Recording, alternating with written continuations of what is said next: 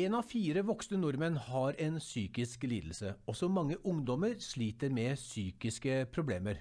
En rekke barn og unge har dessuten foreldre som sliter med psykiske problemer og eller rus, og det meldes om stor pågang av barn og unge på hjelpetelefonene nå. Det er stor variasjon i tilbudet, avhengig av hvor i landet man bor. Og til vanlig er det jo lange ventelister med å få hjelp, og mange kvier seg for å søke profesjonell hjelp. Koronakrisen har forverret situasjonen og gjør at fysiske konsultasjoner i stor grad faller bort. Men nå kommer digitale tilbud for fullt. Men kan teknologi erstatte den gammeldagse terapisamtalen, spør vi. Og med oss for å snakke om dette er Marianne Tronsen. Du er seniorforsker og sosiolog på Nasjonalt senter for e-helseforskning. Velkommen. Tusen takk, veldig hyggelig å få komme. Ja, Veldig hyggelig å ha deg, Marianne. Marianne, Du har jo forsket mye på digitale verktøy og om e-helse til bruk innenfor psykisk helse og rusfeltet. Eh, og Du har jo også en doktorgrad innenfor dette. Men la meg spørre deg aller først. Hva er det du nå jobber med her og nå? Akkurat nå så jobber jeg med tre ulike prosjekt. Jeg har ett postdoktorprosjekt hvor jeg intervjuer mennesker som lever med psykisk sykdom på en eller annen måte enten selv eller som pårørende. Hvor jeg bl.a. har spurt dem om bruk av digitale verktøy til mestring i hverdagen. Så veldig spennende nå å gå i gang med analyse av det materialet. Eh, så har jeg et veldig aktuelt prosjekt hvor jeg er i startfasen på et oppdrag for Blå Kors Kompasset, som driver et mm. eh, tilbud til barn og unge som har eh, foreldre med rusproblemer.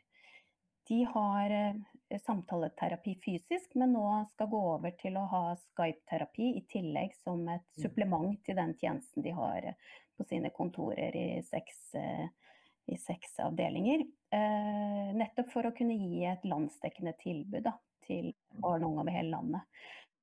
Der skulle de bruke det her året på å innføre det, og har gjort det så smått. Men de har jo over natta i denne koronakrisen gått over til å gi all terapi på Skype, eller eh, samtaleterapi på, på, nett i stedet.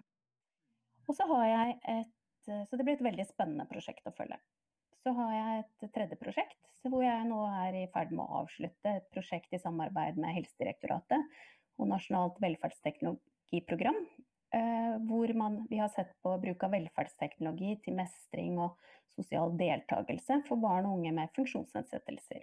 Veldig spennende, Marianne. Vi skal komme litt mer inn på liksom, resultatene fra og hva disse studiene har, har vist. men du, du, har vært litt inne på det. men dette med digitale verktøy innenfor psykisk helse det er jo nytt for veldig mange. Både for uh, brukerne, men også ikke minst for behandlerne. Uh, så la oss først snakke om hvilke digitale tjenester er nå tilgjengelige, og som er i praktisk bruk. Ja, hvis man skal se på hovedgruppene, så er det jo videobasert teknologi. Det kan være én-til-én, men det kan også være mellom flere. Eh, og være et samarbeid, samarbeidsverktøy mellom flere. Så har vi jo tekstbasert teknologi, chat, forum, spørsmål-svar-tjenester, som kan være både åpent og anonymt og lukket. Så har man noen digitale behandlingsprogram, og så er det en del apper, særlig som selvhjelpsverktøy. Så, men det er vel særlig dette med videobaserte tjenester og tekstbaserte som det er mye av. og Blant annet så har jo også en del frivillige organisasjoner har jo en del sånn chattetjenester som da er basert på anonym tekst. Pga.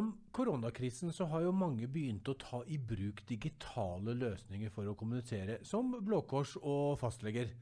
Men når det gjelder rusfeltet og psykologifeltet, hva har skjedd der? Eh, det har nok skjedd en eh, endring der også, at koronakrisen har gjort at man må ta i bruk andre løsninger. Eh, vi vet jo at en del tjenester innenfor psykisk helse allerede var i gang med å bruke videobasert teknologi, eller gjennom videokonferanse eller mm. andre løsninger. Men som nok har, fra å ha gjort det i litt mindre grad, har økt volumet, vil jeg tro. Eller det mm. vet man jo. Jeg vet jo også at det har vært opprettet egne hjelpetjenester nå til f.eks. barn og unge innenfor psykisk helse i forbindelse med koronasituasjonen også. Så ja, og jeg tror at det er mange som tar i bruk nye metoder. Men eh, akkurat hvor mange og, og hvordan, det vet jeg ikke. Men, eh, men, at det er en oppsving, ja. Og noen har nok kunne bare fortsette å gjøre mer av det de allerede hadde startet med. Og for andre så er dette helt nytt. Eh, Marianne, du nevner tekstbasert terapi, du nevner videoterapi. Videoterapi begynner jo uh, nærmest å bli et uh, begrep og et, uh, noe som alle nordmenn nå begynner å, å forstå hva er. men tekstbasert terapi, det er vel litt mer i det blå for mange?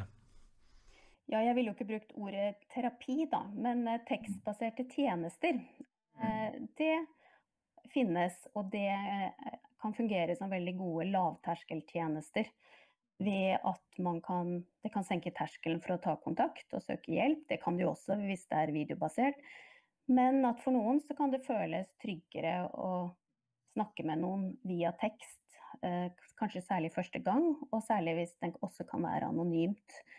Eh, og det var jo noe jeg erfarte i den doktorgraden som jeg skrev om um, ungdom som har psykisk syke foreldre, som brukte et samtaleforum mm. på nett, hvor de kunne snakke med andre i samme situasjon.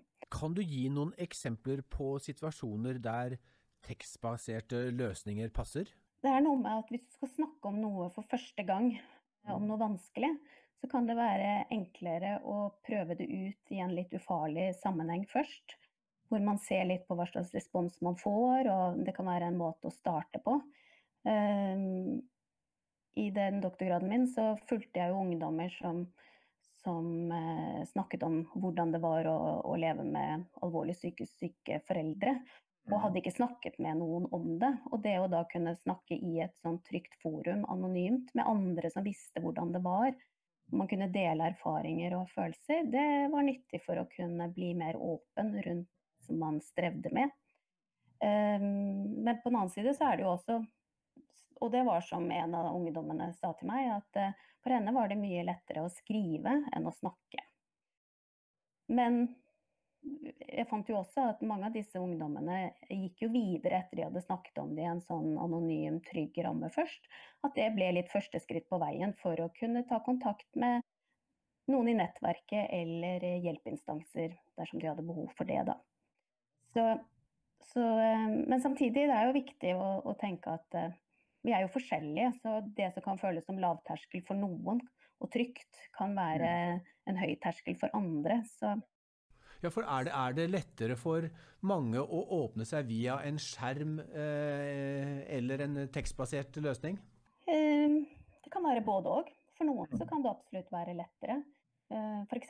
personer som sliter med angst og har vanskelig for å komme seg ut, så kan det jo være enklere å ha videobaserte samtaler med en behandler. At det kan være et godt alternativ. Og for de som er vante nettbrukere med tekst, chat, video ellers, så kan jo det være å motta hjelp i en kontekst man mestrer. Man er på et vis på hjemmebane og bruker de verktøy man ellers er vant til å bruke. Så, mens for andre kan det være hemmende å bruke teknologi man ikke er vant til, at det kan bli for stort skritt.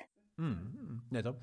Eh, vil du si at Er det noen forskjeller mellom Du har jo forsket mye på barn og unge. Eh, er det noen forskjeller på barn og unges bruk av disse typer tjenestene i forhold til de som er litt mer opp i årene og, og, og voksne? Kan, I hvert fall så er det jo sånn at barn og unge de er vokst opp i en digital verden. Det er mm. eh, De vanlige kommunikasjonsverktøyene for dem er jo og skrive meldinger og sende bilder og videoer og, og, og, den slags. Så det er klart at det å være vant til å kommunisere på skjerm og tekst er jo også en fordel når du skal søke hjelp. Og det vil jeg anta at for, for yngre mennesker så er det lettere å kunne ta kontakt f.eks. på en chattetjeneste eller eh, lignende, en spørsmål-svar-tjeneste eller noe sånt, som et sånt første skritt. Fordi mm. at det, det er en terskel å ta en telefon og søke hjelp, eller å, å, å, i det hele tatt vite hvor man skal henvende seg. Mm. Ja, og det kan kanskje være sånn også for, for litt mer eh, foreldregenerasjon og for de som er enda litt eldre også? Ja da, absolutt. Og så er det selvfølgelig mange voksne som også er veldig digitalt kompetente og, og ser på det som en selvfølge. Men, men at uh, det er en måte å møte yngre barn og unge på, det tror jeg absolutt. Marianne, jeg må jo spørre deg nå er jo disse tjenestene på full fart inn. Eh, det virker nesten som alle behandlere har nå kastet seg på disse digitale tilbudene. Men hva vil du si er fordelene ved disse digitale tjenestene innenfor eh, psykisk helse? Ja, det er jo mye forskning på det opp gjennom årene fra ulike hold. Og hvis jeg skulle si noe sånn generelt på tvers av de tjenestene vi har snakket om her, da, videobaserte tjenester og, og tekstbaserte, så er det jo tilgjengelighet. Man kan nå bredt, man kan nå mange. Man kan også nå mennesker på andre tidspunkt enn døgnet enn eh, i kontortiden. Man kan gi mer likeverdige tjenester, uavhengig av geografi, bosted, og også i områder hvor det kanskje er mangel på fagfolk. Det kan være effektivt.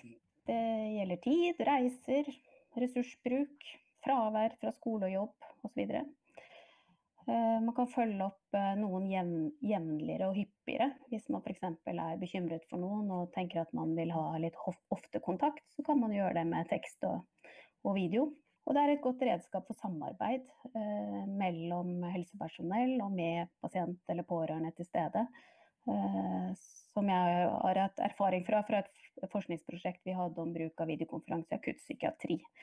Hvor eh, også pasienten ble inkludert veldig i de eh, samtalene man hadde ved hjelp av videokonferanse på avstand. Mm, jeg må bare spørre deg, Hva, hva sier på, i den forskningen du, du, du, har gjort, hva sier pasientene om uh, disse digitale tjenestene? Er dette noe som uh, de liker og syns er bra?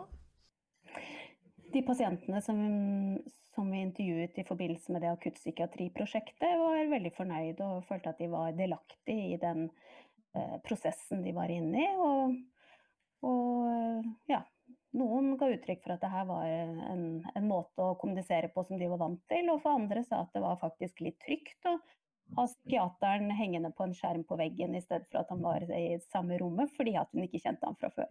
Mange, som, mange tviler jo også på nytten og effekten av, av denne type, om de, at de er like gode, at, eh, at, det er bedre å møte ansikt til ansikt med behandleren eller, eller terapeuten. Hva, hva, hva, tenker du om det, og hva forteller din forskning om dette?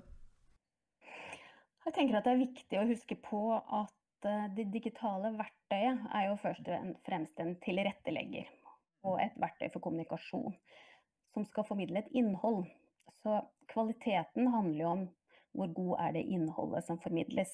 Eh, enten det er fysisk eller om det er eh, digitalt eller gjennom video eller på chat, så, så er det jo først og fremst innholdet som sier noe om kvaliteten. Men selvfølgelig skal teknologien være en god tilrettelegger for eh, kvalitet.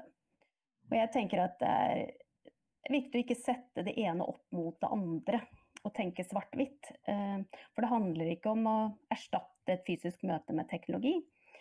Og samtidig så er mange digitale tjenester er gode nok, og noen ganger så er det faktisk eneste mulighet for å få hjelp. Eh, og for andre så kan digitale tilbud være fullgod erstatning. Og for andre er det et supplement, og for noen så passer det ikke i det hele tatt. Så jeg er litt opptatt av at det kommer an på sammenhengen teknologien brukes, og den enkelte persons behov og situasjon. Og vi er forskjellige. Vi har mange ulike problemstillinger og behov, og vi er i ulike faser også. Hvis du er syk, så kan du ha ett behov i starten av en, av en sykdomsforløp, og et annet behov senere. Det er ulik alvorlighetsgrad. Noen har et uh, stort sosialt nettverk, andre er veldig alene.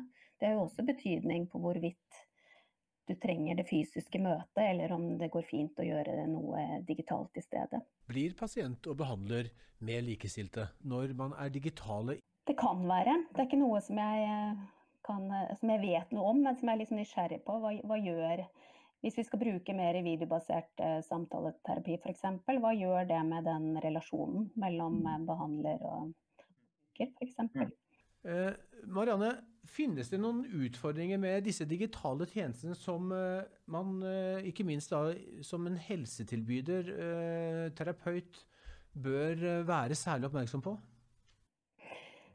Sikkerhet og personvern er jo et viktig, det er det første bud. Og det er jo at man er sikker på at man har trygge, godkjente, sikre teknologiske løsninger. Og sørge for at begge parter kommuniserer på et trygt sted, enten det er der hjelpetjenesten sitter, eller om det er brukeren på den andre siden. Eh, og viktig at man har trygge omgivelser for å kunne ha en, en personlig samtale hvor man kan snakke uforstyrret og føler seg trygg. Eh, så er det selvfølgelig noen utfordringer for, eh, hvis vi da snakker om videobaserte tjenester, eh, men også chat.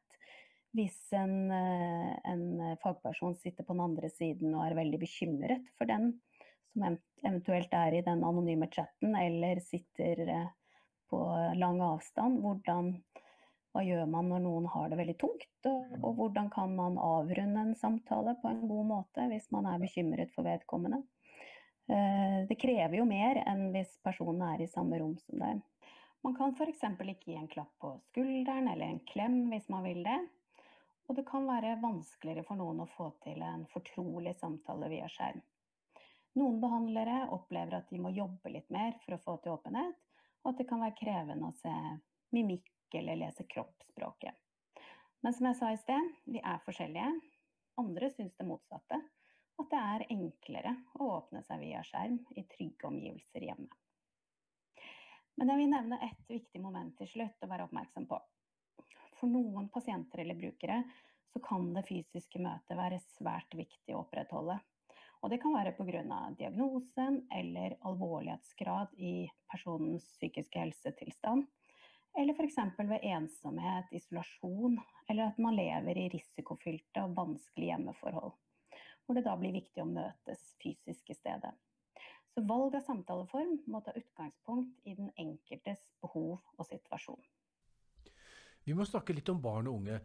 290 000 barn har ifølge FHI foreldre som har en psykisk lidelse eller har rusproblemer som går utover daglig fungering. Og nå varsler også Utdanningsdirektoratet at kommuner sliter med å sikre god nok oppfølging av sårbare barn. Hvordan kan de digitale tjenestene hjelpe barna og kommunene her? Jeg tenker jo at Det aller viktigste er jo at eh, skolen holder kontakt med de barna som det gjelder. Og eh, bruker de kommunikasjonsverktøy som er tilgjengelig, om det er telefon eller meldinger eller eh, videobaserte løsninger. Og ikke minst også trygge barna på at det er noen som bryr seg, og at det også finnes hjelpeinstanser. At man kan ta kontakt hvis noe forverrer seg. Og så er det jo særlig i sånne situasjoner at det er viktig å samle de eventuelle fagpersonene eller instansene som er rundt familien, hvis det er mm. noen. Som også sammen kan kommunisere digitalt hvis de ikke kan møtes fysisk.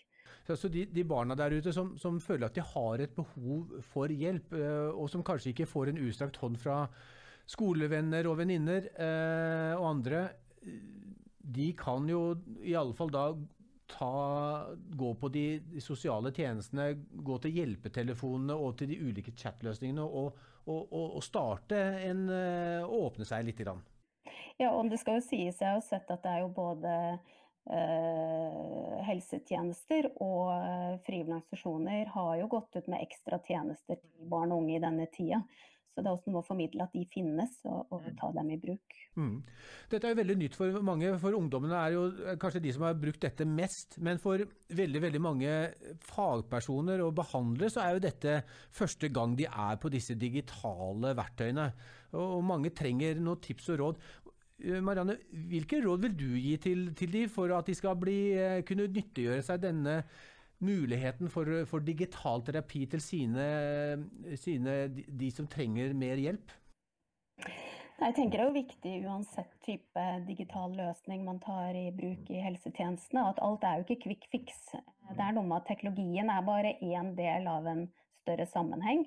Og at det å organisere en ny måte å jobbe på inn i en arbeidshverdag, det tar tid, og det må integreres og gjøres på en ordentlig måte og forankres både på arbeidsplassen og på ledelsesnivå og ned til den enkelte fagperson. Og bruke nok tid på å implementere det inn i tjenesten, som gjør at man er sikker på at eh, utstyret fungerer, at man har fått god nok opplæring, at man har lagd rutiner, retningslinjer, beredskap. Tilgjengelig brukerstøtte. Vi vet at teknologi ofte ikke fungerer. Man må vite hvem man skal ta kontakt med. Man fordeler ansvar, roller mellom de ulike eh, fagfolkene. Og det krever økonomi og ressurser også. Så, også når man tenker på de fysiske omgivelsene. Det er man jo opptatt av når man har f.eks. skal ha en samtale på et kontor, hvordan det ser ut rundt der man skal åpne opp for noe som er vanskelig. Og det samme gjelder jo også det stedet hvor man eventuelt har en videobasert mm, mm. samtale.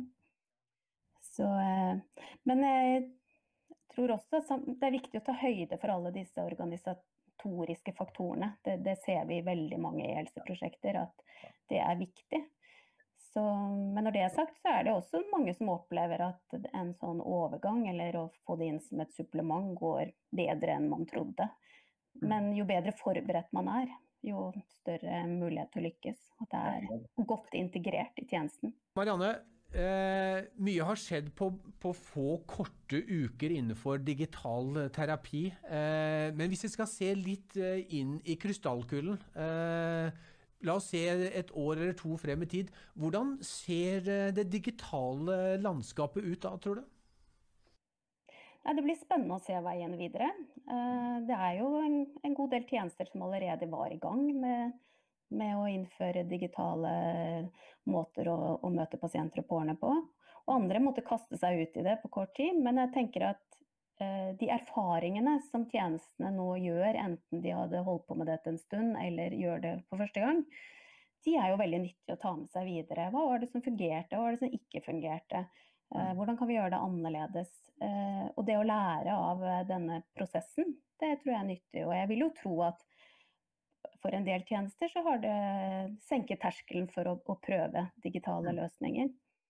Så blir jo utfordringen videre å hvordan integrere dette godt nok i en helhetlig tjeneste, i forhold til sikkerhet, personvern, eh, at det fungerer godt i en arbeidspraksis, og at det er kvalitet i alle ledd hva man gjør. Så, men så tenker jeg det er også viktig å, å tenke at det har et potensial til å nå flere og kan være et godt supplement til fysiske tjenester. Eh, men samtidig ikke at man skal tenke enten-eller. Det handler om å gi et mangfoldig tjenestetilbud Eh, for de viktigste helsetjenestene er jo de brukerne av dem. Og de har ulike behov, de har ulike forutsetninger, ulike preferanser.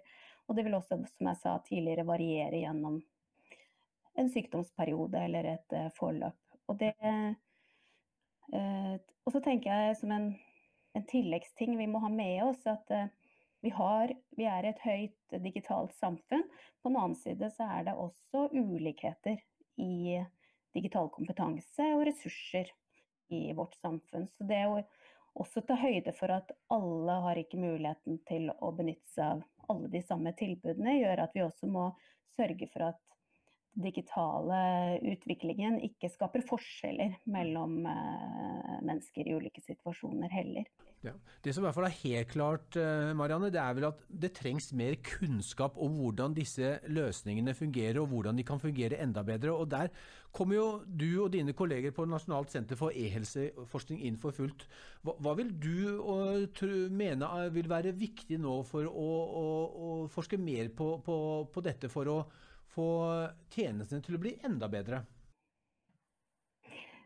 Jeg tenker at det er jo gjort mye allerede. Vi har et stort kunnskapsgrunnlag, ikke bare fra vårt senter, men fra mange miljøer både i Norge og, og internasjonalt.